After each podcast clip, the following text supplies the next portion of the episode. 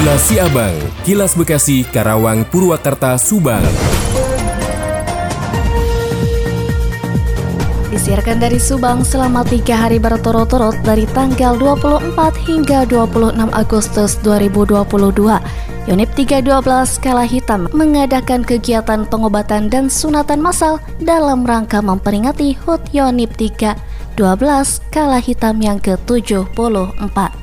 Kegiatan tersebut dilakukan kepada masyarakat daerah binaan dan pengobatan massal diadakan secara maraton selama tiga hari dengan sasaran tiga kampung yang berada di sekitaran lingkungan Makoyonip 312 Kala Hitam di Kampung Cibogo, Kampung Cicadas, dan Kampung Wera. Juga dalam pelaksanaan pengobatan massal dilakukan oleh tim medis Yonip 312 secara langsung turun ke kampung-kampung selama tiga hari. Sedangkan kegiatan sunatan massal dilaksanakan terpusat di dalam kesatrian Makoyonip 312. Orang tua yang memiliki anak yang belum disunat sangat antusias dalam mengikuti kegiatan tersebut. Kehadiran satuan TNI AD di mana pun di wilayah negara kesatuan Republik Indonesia harus selalu memberikan manfaat positif bagi masyarakat dan lingkungan sekitarnya.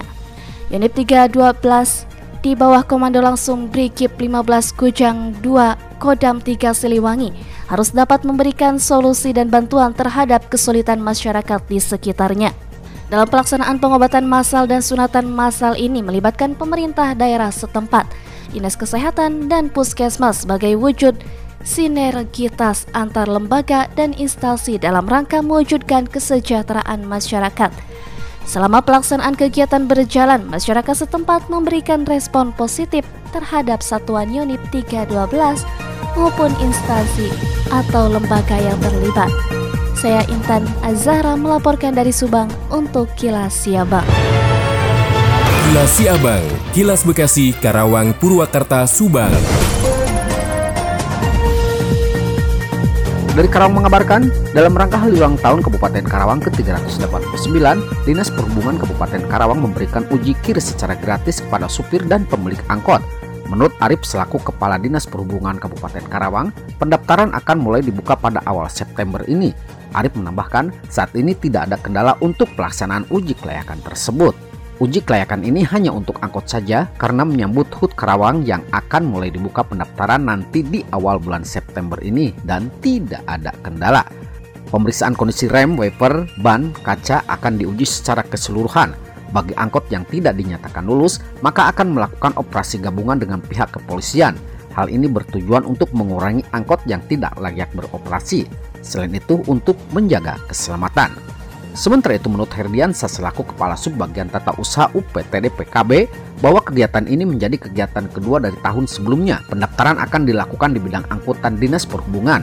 Persyaratan yang diperlukan mulai dari fotokopi pajak STNK dan STNK, kartu dan sertifikat uji, KTP, serta adanya NIB bagi perusahaan. Demikian Dada Citra Sena 96,9 FM ADS Radio Karawang untuk Kilas Siabang. Kilas Siabang, Kilas Bekasi, Karawang, Purwakarta, Subang.